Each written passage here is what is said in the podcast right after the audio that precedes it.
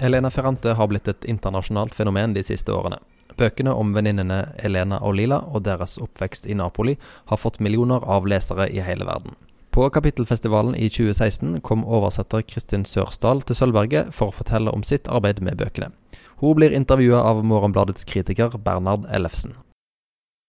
Fram til eh, disse bøkene om eh, Lila og Elena kom ut, så har det ikke vært så mye snakk om hvorfor Elena Ferrante ikke eh, viser seg eh, offentlig.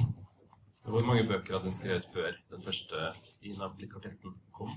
Ja, hun, hun kom ut med den 'Amor Molesto', eh, som eh, hadde stor suksess. Og så kom hun ut med eh, 'Giorni dell'Abbandono', denne her. Og en som heter 'La Filia Oscura' eh, eh, i 2005. Og så har hun også gitt ut en forferdelig barnebok om en dukke. Er den forferdelig Som, eh, fordi den er eh, Den er skummel, like fordi den er dårlig? som eh, Den er mørk. Mm. som uh, dokkene til Elena og Lila har det når de faller ned i kjelleren i uh, bygården. Og den har uh, Samlaget også funnet ut nå at vi skal oversette til norsk. Så den fikk jeg for to dager siden. Og de, disse her to bøkene Dette her er for mora. Her kan mora lese om eh, en, eh, en, eh, en mor på sin egen alder og, og, og om eh, ei dukke. Mens dattera da kan eh, lese den eh, mørke historien fra stranda eh, om, om dokka. For denne her er om en dokke som forsvinner, og her er det om dokka. Har Ferrante sagt sjøl. Hun måtte skrive denne barneboka etter at hun skrev den voksenboka. Og så har hun skrevet en, eh, en eh, bok hvor hun forteller om seg sjøl som eh, forfatter og hvor alle intervjuer med, med henne er samla. Og den boka var på 150 sider i 2002. Og da sa jeg til Ferrante at den oversetter vi straks sånn. Men nå har den blitt uh, mye, mye større. Eh, Siste utgivinga i 2016, hvor resten av intervjuene med Ferrante er samla. Så nå begynner jeg å få litt sånn oh. Jeg er ikke gjort i en feil. Sånn som eh, disse bøkene, tjukke bøkene her òg, de er ikke gjort i en feil. Det å oversette er et utrolig uh, langsomt arbeid. Det er som å brodere, brodere bitte, bitte, bitte små eh, Hva heter det? Sting. Mm. Det er, men altså, eh, har jo Dette er et stort verk, eh, disse fire bøkene. Og hvis ikke jeg tar feil, fra den første boka hun ga ut til den andre, så gikk det ti år. Men her må jeg kunne si at har, det har vært mer av en strøm, da. Og dette er jo heller ikke sånne glemte bøker som er hentet opp igjen. De er de seneste romanene hennes. Så de var en umiddelbar internasjonal Men, men hun hadde jo ikke gitt ut bøker da siden 2005. mm. Og så kom den ut i 2011. Den første i denne her eh, tetralogien, som de kaller det i Italia.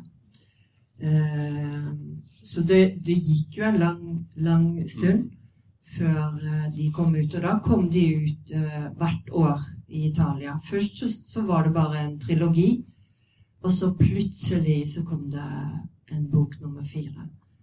eh, som ble lagt til resten. Og det er den eh, som jeg akkurat har blitt ferdig med nå. Eh, og som nå sikkert er i trykken. Så nå kan jeg ikke gå inn og si at der på side 553 er det kommet inn en feil. Nå er det for sent.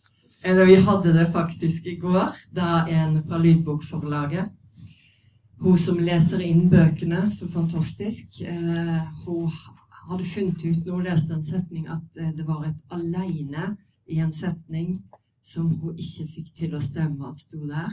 Så da sendte jeg et eh, sånn skrik-e-post til Kjersti og spurte er det mulig å få ut det aleine nå. Var det mulig? Jeg har ikke fått noe svar på det, for det ble sendt i går. Så. Vi, vi, vi skal ikke bruke veldig lang tid på det. Eh, Det er eh, sagt så mye. Men bare noen setninger om, om eh, anonymiteten og pseudonymet. Hun, hun, på den ene siden så skrev hun jo et brev til sin redaktør ved debuten, hvor hun sa at en bok trenger ikke en forfatter. Det har, jeg har gjort min del av jobben. og begrunnet anonymiteten. Men så ganske pragmatisk, men litt sånn hun vil ikke ha fokus på personer, rett og slett. Eh, samtidig så har hun sagt i andre intervjuer nå senere, og det er naturlig å tenke seg, det er ingenting mystisk ved det, men at grunnen til å fortsette å være anonym har endret seg litt. Og det kan jo være rett og slett fordi at hun nå er en superkjendis, på en måte. Men det, øh, det som kanskje kan være litt interessant å tenke over, er om det har noen litterær effekt. Det at det er et pseudonym. Om det har noen betydning for oss som lesere. Eh, om det har noen betydning for oss som lesere. Det blir jo eh, spekulert mye i hvorfor ikke vi får vite hvem som er forfatteren. Og det har jo vært eh, mange som har vært veldig kritiske til det i Italia, som har ikke eh, Ja, det har blitt sladra mye om det. Eh, men Elena Ferrante, jeg tror har hatt hele tida det samme tanken bak det å være en forfatter som får ro til å være forfatter, og som får ro til å skrive. Altså, hun ø, svarer jo på spørsmål fra, fra aviser, men hun svarer alltid skriftlig. Og nå har jeg lest gjennom ganske mange intervjuer, og eh, en får veldig inntrykk av at hun er en forfatter som har tid til å tenke igjennom eh, det hun gjør. Eh, og hun, eh, det å, å, å svare litterært og skriftlig er en helt annen måte enn det å måtte sitte på en scene f.eks. og svare. Og hun sier veldig mange begrunna ting og har eh, aldri spørsmål om seg sjøl som person, eh, hvordan det går med ungene, hva hun leser, hva hun har på skrivebordet, hvordan hun ligger i senga, hva hun ser utenfor vinduet og sånne ting. Hun snakker om, eh, om eh, om historien, om det å være kvinne, om eh, eksistensielle eh, ting. Hun, hun, hun, er absolutt en, eh, et menneske som virker eh, veldig bevisst eh, på det å leve i verden i dag. Eh, og hun eh, er jo òg med i samtida politisk sett, blant annet nå hadde The Time eh, spørsmål eh, til eh, forskjellige forfattere om de kunne sende brev til det britiske folk før brexit. Og da var eh, Ferrante blant de som, som skrev. Og hadde stort fokus på at den eneste måten Europa kunne møte klimautfordringer og migrasjonsutfordringer i dag, var å stå sammen i en union. Så det kan jo vi som, som et stengt norsk land tenke litt på. Jeg så hun signerte opprop for Asle Erdogan, eksempel, også. Ja. Så hun jo bruk, bruker navnet sitt helt tilforlatelig. Altså det navnet. Det er litt interessant at i den norske, første norske oversettelsen som du påpekte kom i 1994, der står det litt grann mer på innbretten enn det de gjør eh, i bøkene som kommer nå. Og disse tingene her har jeg faktisk ikke sett i noen av den, i den store amerikanske hypen, eksempel. Her står det Helene Ferrante er født i Napoli. Hun er gift med en greker. Har to døtre. Og har siden slutten av 1960-årene bodd i Hellas. Hennes annen bok er underveis. Så det er jo litt mer, det er litt mer å hente der. Og det kan vel kanskje gi en lite hint om hvorfor vi møter Elena Greco. Ja, absolutt. I, um, ja, da Ja, det er jo et poeng, og det er jo et poeng at de her jentene kan Iliaden, og de kan eh, Altså, de snakker om Eniden, og de har lest om Dido og Kartago, og eh, Elena Ferrante, personen bak, Elena Ferrante er eh, veldig skolert i, i antikkens litteratur, og er helt sikkert en, en lærer et eller annet sted. Eh, ja. du, du, du gjenkjenner en lærer når du ser henne. Jeg, jeg tror ikke hun har svart noe nei på det når hun har blitt spurt om det. Og jeg tror hun faktisk sier det i uh, den Frantomalia, den, den boka hvor hun snakker om seg sjøl. hun ligner Hun, hun, uh, eh, hun, hun, bruker navnet Elena om Elena Greco òg fordi eh, hun trolig heter Elena. Eh, og det er ikke eh, hun, hun skaper ikke eh, eh, Altså, det er fiktive personer, men eh, hun sier sjøl at hvis du vil vite noe med som forfatter, så er det bare å gå til bøkene, og der finner du alt som er å vite om, om meg for, som forfatter. For alle bøkene, helt fra den første, er veldig like. De handler om eh, eh, like kvinnetyper, og du finner det Olga i denne 'Journey dell'Abbandono' Det hun går igjennom, er ligner på det Elena går igjennom i, eh, i eh, Min briljante venninne. Hun bor i Torino og ser utover Po-elva. Eh, mens Elena flytter jo til Torino når hun er rundt 50 år. Og ja. Nå vil jeg anta at de fleste her har lest det meste av det som du har foreløpig sendt ut i verden av Napoli-kvartetten. Men eh, skal vi likevel si noen som presenterer noen ord om, om det verket? Hva Ja. slags tekst det er? Det er jo en, en eh, lang, Jeg syns jo det er én lang fortelling om et vennskap mellom disse to kvinnene. Det strekker seg eh, over seks-ti år. Ja, den, den, det, Jeg har ofte lett jeg har måttet skrive Mm. ned veldig mange ganger, fordi også i, i bokanmeldelser, italienske som jeg har lest, så surrer de med årstallene. Når er de født? Når er boka slutt? Når skjer det, og når skjer Det det? Men en gang så det står at i 1984 så er Elena og Lila de er 40 år. Så de er født i 1944, og så slutter bøkene da i 2010.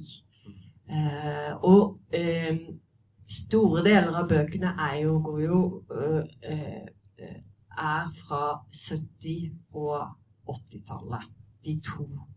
Den siste og bok nummer tre er jo fra 70- og 80-tallet. Det er klart Dette er en stor fortelling, men vi har egentlig, hadde egentlig litt lyst til å nærme oss fortellingen litt fra siden. Kanskje vi kan lese Du har jo med deg Ja. litt uh, av det spennende som er i trykk. Kanskje vi kan begynne med det? Altså Lese det første du hadde lyst til å lese. For da kan vi liksom snike oss litt inn på siden. For dette er en stor fortelling, og vi kan snakke om liksom den store fortellingen. Men det skjer noen ting her som kanskje ikke er så lett å få grep om, eller, eh, og som er litt farligere, kanskje. Ja, ja, ja Eh, absolutt. Jeg, jeg bare tenkte før Før, før, før eh, Nei, jeg kan ta, ta det nå. Ja, fordi det er Det eh, eh, har jo med at vi har et historisk bak, bakteppe til de her fire bøkene, som er eh, Det er veldig turbulente tider i Italia. Eh, særlig 70- og 80-tallet. Eh, bok tre har jo eh, det er, det er en tid altså, eh, sett, eh, satt opp mot vår tid, hvor vi tror det går av bomber overalt i Europa hele tida, så gjør det jo ikke det i forhold til det de gjør i samtida til Elena Greco i disse her bøkene. Som, som oversetter så har jeg måttet sjekke opp alle, eh, all historisk bakgrunn. eh, og funnet ut eh, når den bomben gikk av, når den bomben gikk av, når skjedde det i Bologna, når skjedde det i Napoli, når skjedde det på toget, sånn og sånn. Em, og, og som leser av disse bøkene, så syns jeg òg det er en veldig god anledning til å ta opp igjen eh, den historien som, eh, som Ferrante bare antyder. For, for Ferrante, sier hun sjøl, er det historiske, det er ikke det som er det viktige. Eh, det blir, kommer kun til syne på den måten det blir eh, filtrert gjennom eh, karakterene i bøkene. Og samtidig, for å komme til det du snakka om, så er det jo òg en strøm i de her bøkene som gjør de annerledes fra eh, eh, Som gjør de tyngre, da, som gjør de mer alvorlige. Eh, og eh, det er dette med, med Lila som eh, hele tida det, er den eh, eh, Nei, jeg vet ikke. Jo, men det er jo utrolig viktig. Altså, hun, ehm, det er noen viktige hendelser da, som vi kan komme inn på. Eh, men det er noe eh, Lila lider rett og slett av noe. Noe som skjer henne. Eh, hun får disse eh, nesten sånne epifaniske anfall, eller eh, som, hva, hva er det du kalte det i den norske oversettelsen? Ja, Utfly- ja. eh, utflytende grenser. utflytende grenser. Og det, det, det skjønner leseren at det er enormt betydningsfullt. Det har ikke noe stor del liksom, Det er ikke en stor del i narrativet, på en måte, men det er en sånn farlig oppløsning av eh, identitet og av verden rundt Ja. da, som skjer, og som vi forstår at kanskje driver dette, og kanskje påvirker begge kvinnene Ja. Ja. Og eh, det er jo en understrøm i, i alle bøkene til Ferrante, som gjør henne til en, en, en litt skummel forfatter. Det, den eh, eksistensielle følelsen av å være i verden. Det er ikke noe man kan hoppe over i bøkene og lese det som et eh, sjalusidrama eller klassereise eller eh, eh, hva man har kalt at det er. At det er om skilsmisser, at det er om oss. Eh, det, det, det er om oss. Det er eh, historien Altså, det er om eh, eh, eh, Om å ikke kunne flykte fra vår natur som eh, Altså Altså det å måtte konstruere seg illusjoner for å kunne leve i verden. Elena må jo fange Lila, som er en person som vil viskes ut gjennom fiksjonen. Hun må skrive Lila for å fange Lila, og til slutt så finner hun jo ut at egentlig er livet eh, på den måten Lila beskriver det. Det, er, det flyter ut av, uh, av hendene på en. Ja, Men det ligger liksom mens veldig som en eldre. betingelse for boka. Nesten. Altså, er det ikke John Didion som snakket om 'the stories we tell ourselves in order to live'? Ja. Og her er det jo virkelig sånn at dette er fortellingene hun forteller for at Lila skal kunne leve, da. Sånn som du sier, hun skriver henne. Ja, og hun sier sjøl, Elena Greco forteller, hun prøver å fortelle historien om en som for all del ikke vil ha historien sin fortalt. Som vil viskes ut. Hun vil utslettes. Altså, det er jo det som er det store prosjektet til Lila, å forsvinne. Det skal ikke være spor igjen etter henne. Eh, og, og i livet, måten hun lever på, så lever hun jo helt annerledes enn det vi eh, vi blir opplært til å leve Det samfunnet vårt er basert på nå, dette med karrieredriv og komme seg framover og, og ha, eh, samle kunnskap for å komme videre. Hun bare sløser det bort, eh, Lila. Eh, og har ingen som helst tro på noe eh, noen utvikling framover. Eh, og samtidig Det var derfor eh, jeg skulle Så, så i, i, i bøkene blir det jo eh, Det blir skrevet veldig mange bøker i bøkene.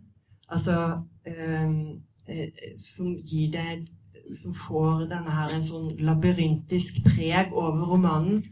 Fordi eh, eh, I hvert fall i bok fire så innbiller Elena Greco, når hun ikke lenger klarer å skrive, så innbiller hun seg at nå er plutselig Lila i gang med å skrive den store romanen om Napoli. Og det eksisterer kun i, tank det eksisterer i tankene til Elena. Og på den måten klarer hun også å få fortalt om den boka, som kanskje ikke fins i den boka eh, som vi leser. Eh, og det er flere sånne bøker i, i bøkene. Tanker av det slaget blei vanlige i de åra.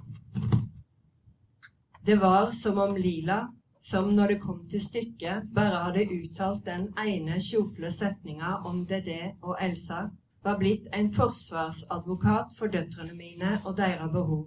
Og hver gang jeg neglisjerte dem, kjente jeg meg pliktig til å demonstrere for henne at hun tok feil. Men dette var et inntrykk, inntrykk skapt av min egen uro. Hva hun egentlig tenkte om meg som mor, veit jeg ikke. Bare hun er i stand til å fortelle det. Hvis hun virkelig har klart å smyge seg inn i denne lange, lange lenka med ord og endre på teksten min. Kunstferdig føye til manglende ledd, eller umerkelig ta ut andre. Og slik sier mer om meg enn det jeg sjøl vil enn det jeg er i stand til å si. Jeg ser fram til at hun bryter inn. Jeg har håpa på det helt siden jeg begynte å skrive historien vår. Men jeg må komme fram til slutten for å få ei slik stadfesting. Hadde jeg prøvd nå, ville jeg ganske sikkert blitt sittende fast. Jeg har skrevet i svært lang tid, og jeg er trøyt. Det blir stadig vanskeligere å holde tråden i fortellinga stram med alt kaoset i de åra med små og store hendinger, humørsvinginger. Og slik blir det til at jeg enten mister meg sjøl av, sy av syne, for å fange opp Lila og alle komplikasjonene hun fører med seg, eller verre, jeg lar meg gripe av hendinger i mitt eget liv, ganske enkelt fordi de er lettere å få ned på arket. Men jeg må styre unna dette valet. Jeg må ikke ta den første veien. Langs den ender jeg opp med å sette meg sjøl til side, og slik finne stadig færre spor etter Lila. Ettersom relasjonen vår er av en slik natur at det å nå fram til henne er umulig uten å gå gjennom meg sjøl. På den andre sida må jeg heller ikke ta den andre veien. Det at jeg snakker mer og mer om mine egne erfaringer, er absolutt noe hun ville ha likt. Kom igjen, ville hun ha sagt. La oss få vite hva vending livet ditt har tatt. Hvem bryr seg om mitt? Tilstå at det ikke interesserer deg engang. Og hun ville ha konkludert.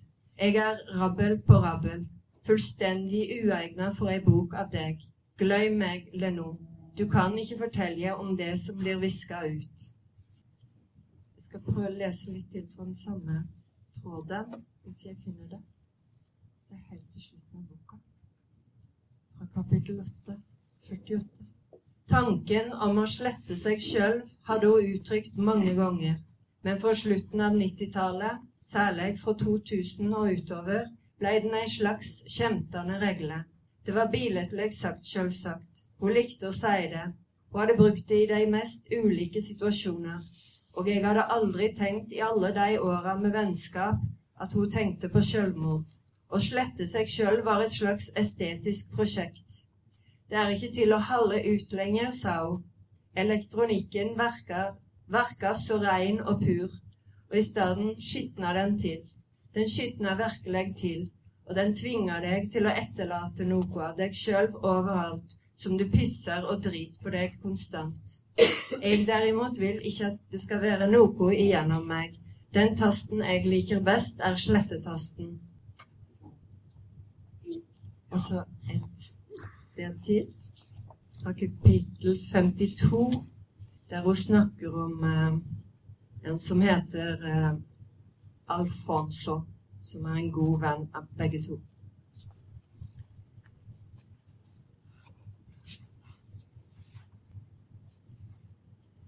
Det eneste problemet Nå er det Lila som snakker. Det eneste problemet har alltid vært det hvileløse hodet mitt. Jeg klarer ikke å stoppe det. Jeg må alltid gjøre, omgjøre, dekke over, avdekke, styrke, for så plutselig å ødelegge, knuse ta Alfonso. Jeg har vært urolig for han helt fra han var guttunge. Jeg har kjent at bomullstråden som holder han sammen, alltid er i ferd med å ryke. Og Michele. Michele trodde han var noe spesielt, og i stedet var det nok å finne tråden som tegna opp grensa hans, og dra. Ah, jeg, jeg fikk den til å ryke. Jeg røyk tråden hans, og jeg vikla den inn i tråden til Alfonso. Mannsmaterie i mannsmaterie. Veven du vever om dagen, vikler seg opp om natta. Hovedet finner alltid en måte. Men det tjener til lite. Skrekken blir værende. Den står alltid i glipa mellom det som er normalt, og det på den andre sida. Den står der og venter. Jeg har alltid frykta den, og fra og med i kveld veit jeg det sikkert. Ingenting står fast ved nå. Heller ikke her i magen. Ungen verker som den skal vare, men nei. Husker du da jeg gifta meg med Stefano, og jeg ville at bydelen skulle starte helt på ny, bare vakre ting. Det stygge, stygge for tidligere skulle ikke være der mer. Hvor lenge varte det? De gode, gode kjenslene er skjøre. Med meg varer ikke kjærleiken. Kjærleiken til en mann varer ikke, heller ikke, varer ikke. Heller ikke kjærleiken til ungene varer. Snart går det hold på dem. Du ser ned i hullet, og du ser tåkeskyer av gode intensjoner blande seg med de vondskapsfulle. Gennaro gir meg skuldkjensle. Denne tingen i magen min er et ansvar som rasper i meg, klorer meg. Viljen til det gode strømmer sammen med viljen til det vonde. Og jeg klarer det ikke. Jeg klarer ikke å samle meg i én god vilje. Det var uh, lila. Det, det, er veldig um, fint uh, utvalgt uh, utdrag, syns jeg. Um, selv for det, den fortellingen om vennskap da, som disse bøkene er, det, det, den blir liksom Vennskapet mellom de to blir etter hvert en slags sånn fordobling. Særlig er det eh, tydelig det første du leser her. Og det er akkurat som om eh, hun beskriver menneskelig identitet som omgitt av en form for hinne, da, som er veldig skjør, og, og hvor eh, identitetene til to mennesker som er nær hverandre, hele tiden truer med å liksom briste ut da, og flyte over i hverandre. Ja, det er jo Navnene deres når, når navnene deres får kallenavnsform, så ligner det så mye at man nesten De ligner jo veldig, for Elena kaller jo seg selv både for Lena, Leno, uh, Lena og Leno, og, og Lila da heter Lila. Og dokkene deres har jo òg like navn på, på, som de to jentene. Lina og Lena. Det blir veldig likt. Det er en slags fordobling. uh, nesten så man kan tro at, det er det. Ja, men det er jo òg den følelsen en får i bok fire. I hvert fall fikk jeg det når jeg leste den, den, den første heldige gangen når jeg leser disse romanene som leser. Ikke de eh, 18 neste 18 gangen. Nei, det, det, det er kanskje sju neste gangene jeg leser de som oversetter. Eh, den første gangen jeg, jeg leste bok nummer fire, fikk jeg en sånn paranoid kjens, eh, følelse av hvem, hvem, hvem er det egentlig her som snakker? Er det Lila? Er det Elena? Hvor er denne her forfatteren Elena Forant? Er hun her i rommet? Eh, for man får en følelse at man ikke helt vet hvem stemmen tilhører. Men, men eh, nå er det jo en litterær teknikk det å sette to opp mot hverandre for å få en slags dialektikk. Det å eh, eh, Ferrante sier jo sjøl at hun ville skrive fra utgangspunktet til en, en eldre dame som eh, som eh, ville forsvinne. Men for å kunne gjøre det, så måtte hun finne opp en, en mot, motpol. En, en samtalepartner. Så, så det har jo også med det å gjøre at de er to. Selvfølgelig. Og eh, det med vennskap eh, eh, Elena Ferrante snakker vel mye om det med eh, eh, relasjoner.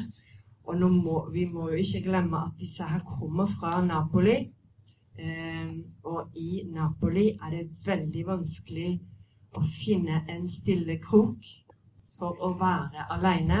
Det er nesten umulig, og veldig mange napolitanere eh, har den følelsen av aldri å, å være alene. Det er folk rundt deg hele tida. Folk som støyter inn i deg, folk som snakker til deg.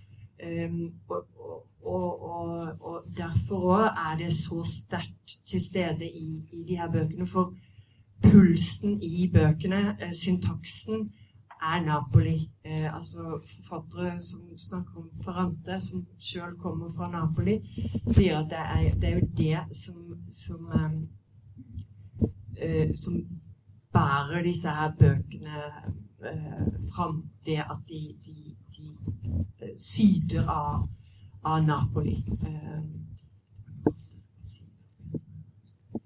Vi har, vi har ti minutter igjen cirka. Jeg vil én ting til før vi liksom kommer inn på det mer konkrete ja, oversetterarbeidet. nå, nå kommer vi på det. Da har jeg til Fordi eh, hvis, hvis eh, eh, Det går jo en film akkurat på eh, kino nå i Norge eh, som heter Subura. Subura. Ligner litt på Gomorra, som kom for eh, noen år siden eh, fra Napoli. Men den heter Subura er fra, fra Roma. Den går sikkert i Stavanger nå også, fordi jeg har sett den nettopp i Arendal. Um, og der um, de som er interessert i disse her Napoli-bøkene, burde også gå og se denne tøffe, tøffe, tøffe gangsterfilmen som heter Subura. Og der er det en, um, en eh, Maljana-klanen i, i, eh, i, i Roma som lever i et hus. De er eh, italienske sigøynere. Eh, hvor familien, altså eh, huset deres, er stappfullt av unger og koner og onkler og døtre og alt mulig. Og det er et evig kaos. Og hvis man ser den filmen, så kan man tenke at akkurat sånn er det i Napoli. Akkurat sånn er det i de, eh, disse bøkene. Eh, ja.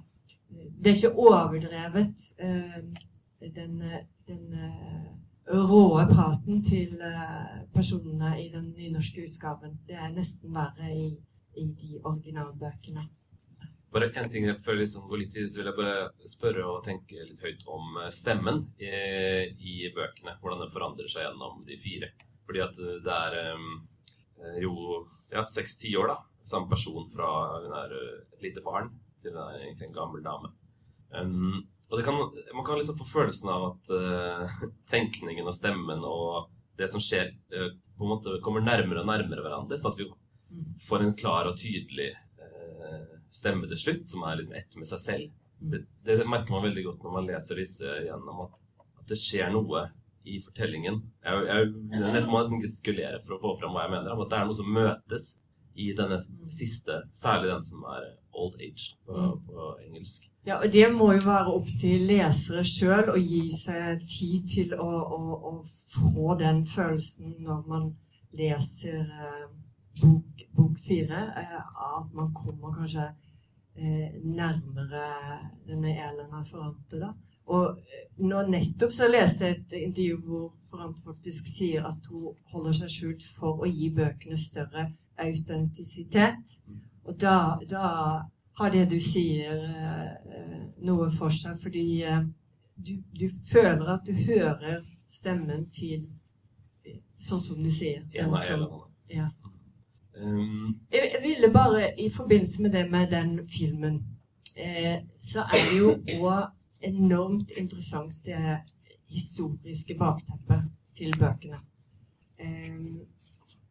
Eh, jeg vet ikke hvor interessant det er med italiensk historie og med Berlusconi og med eh, korrupsjonsskandaler og med eh, Brigate Rosse og med eh, hvem som styrer uh, trafikken av uh, søppel, eller hvem som uh, har kontrollen på, på, shoppingen vi gjør i Via del Corso i Roma når vi handler i butikker der. Men disse her bøkene er jo òg en, en, en, måte, hvis man klarer å snappe opp de spora Ferrante gir, og så, sånn som jeg som oversetter må gjøre da, må gå inn i nyhetene og sjekke så er det en god måte å, å komme inn i den historien på. Fordi eh, Ferrante bl.a. nevnte denne Soborra, den filmen som tar for seg en stor korrupsjonsskandale som, som skjedde i Roma i høsten 2014. Eh, mens i disse bøkene så er Nino, kjæresten til Elena, eh, han er for eh, i, kommer i parlamentet for sosialistene, og under hans tid der, da, i bøkene, fiktivt, så skjer det òg en stor korrupsjonsskandale som jo Elena Ferrante, fordi hun ikke gir disse her eh, historiske sporene som vi sjøl må finne, som er veldig kjent i italiensk historie, som eh, med, med, den heter Il Tangentopoli eh, og var slutten på et, et langt regjeringstid med en statsminister som het Andriotti, som ligner på det Berlusconi hadde, og som blir da filmatisert i denne Suburra. Så det å komme nærmere bøkene til Ferrante er også å orientere seg litt eh, i det som ellers skjer i uh, italiensk kulturliv. Det som også jeg syns er veldig fint med disse bøkene, er at vi kommer langt vekk fra dette vin og Toskana og greiene, bildet. Det var også en god grunn for at jeg ville oversette Ferrante, for det er ingenting av den eh, romantikken. For den har ikke så mye med Italia lenger å gjøre. Italia er et, et, et land eh, med eh, mange forskjellige Det skjer mye, mye mange andre ting enn det å, å, å snakke om vinmerker. Vi, vi kunne snakka veldig mye om oversettelsen, men jeg tror vi må fokusere på akkurat det. Eh, landet, altså hvordan du har brukt det. Det er, tror jeg er en fin, eh, fin, måte å nærme seg det på. Du har, eh, du har jo en, du har veldig god kjennskap til Napoli spesielt, og du har brukt eh, landet generelt og reist dit eh, underveis. Kan du, kan du, si noen ord om, om begge, begge, de to tingene? Ja, Elena, Elena Greco i denne boka flytter hjem igjen til Napoli i 1984. Eh, og da bor hun der, altså samtidig som jeg bor der. jeg og Elena Greco og Raffaele Cerullo vi bor i Napoli på samme tid, og jeg har nesten eh, Jeg hadde, da jeg bodde der i 1986, nesten like guttevenner som det Elena og Lila hadde i, på 60-tallet. Da de vokste opp. Og jeg bodde i bydeler som ligner veldig på den bydelen Elena og Lila eh, bor i. Eh, det, eh, det, merkelige da er, er at mange, mange, mange, mange år seinere så kommer det den historien tilbake, da. Ved disse bøkene, og ved at jeg får uh, snapper opp at Ferrante er en forfatter, og at jeg da har begynt å ville uh, oversette bøker. Uh, og sånn sett så passer det helt utrolig bra uh, å, å, oversette det, det, det, er litt sånn eh, magisk følelse. Litt den her Ariadne-tråden som hun sjøl spinner, som er òg kanskje litt spinner, da.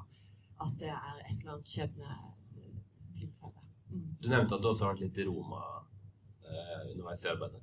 Ja, har, i, i, de siste åra så har jeg ikke bodd i Napoli. Napoli er en veldig vanskelig by. Det er en skummel by. Eh, folk skyter hverandre, og ungdommer dør eh, fordi de tilfeldigvis blir skutt.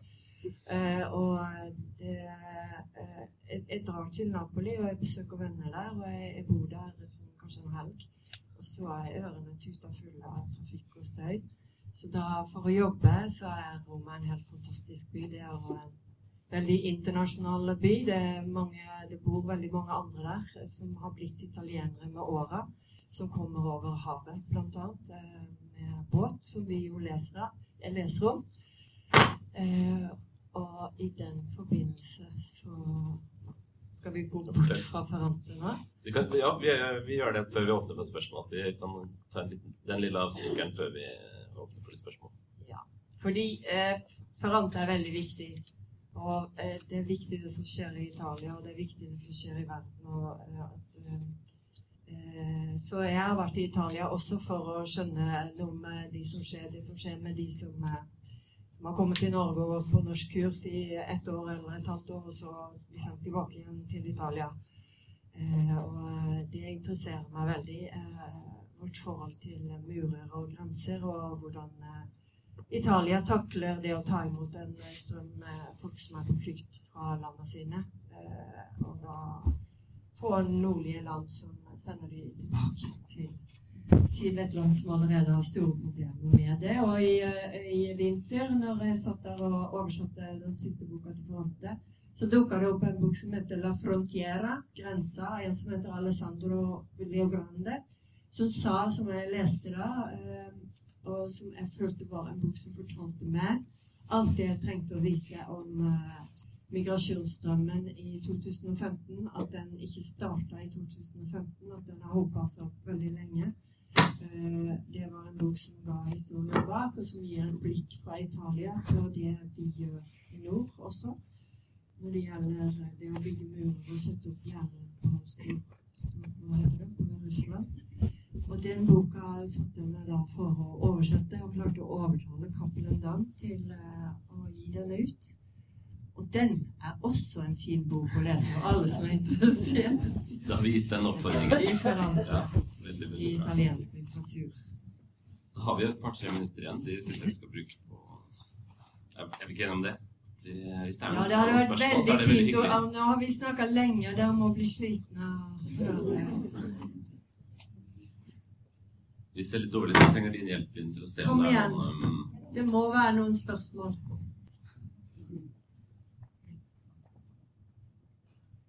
Nå, No.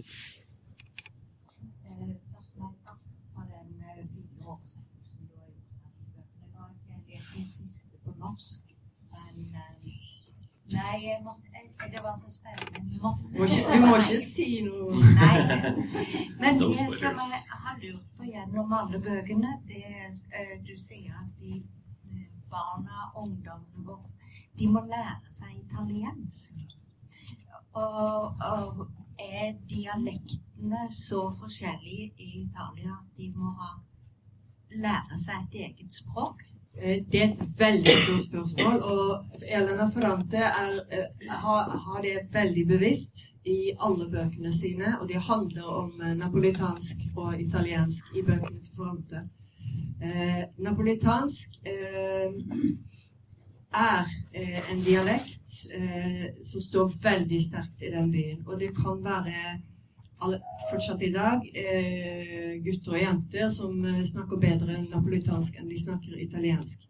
De må gå på skolen for å lære seg å skrive og lese italiensk. Så eh, eh, Elena Ferrante skriver sjøl i bøkene og hun skriver f.eks.: Sa hun på dialekt?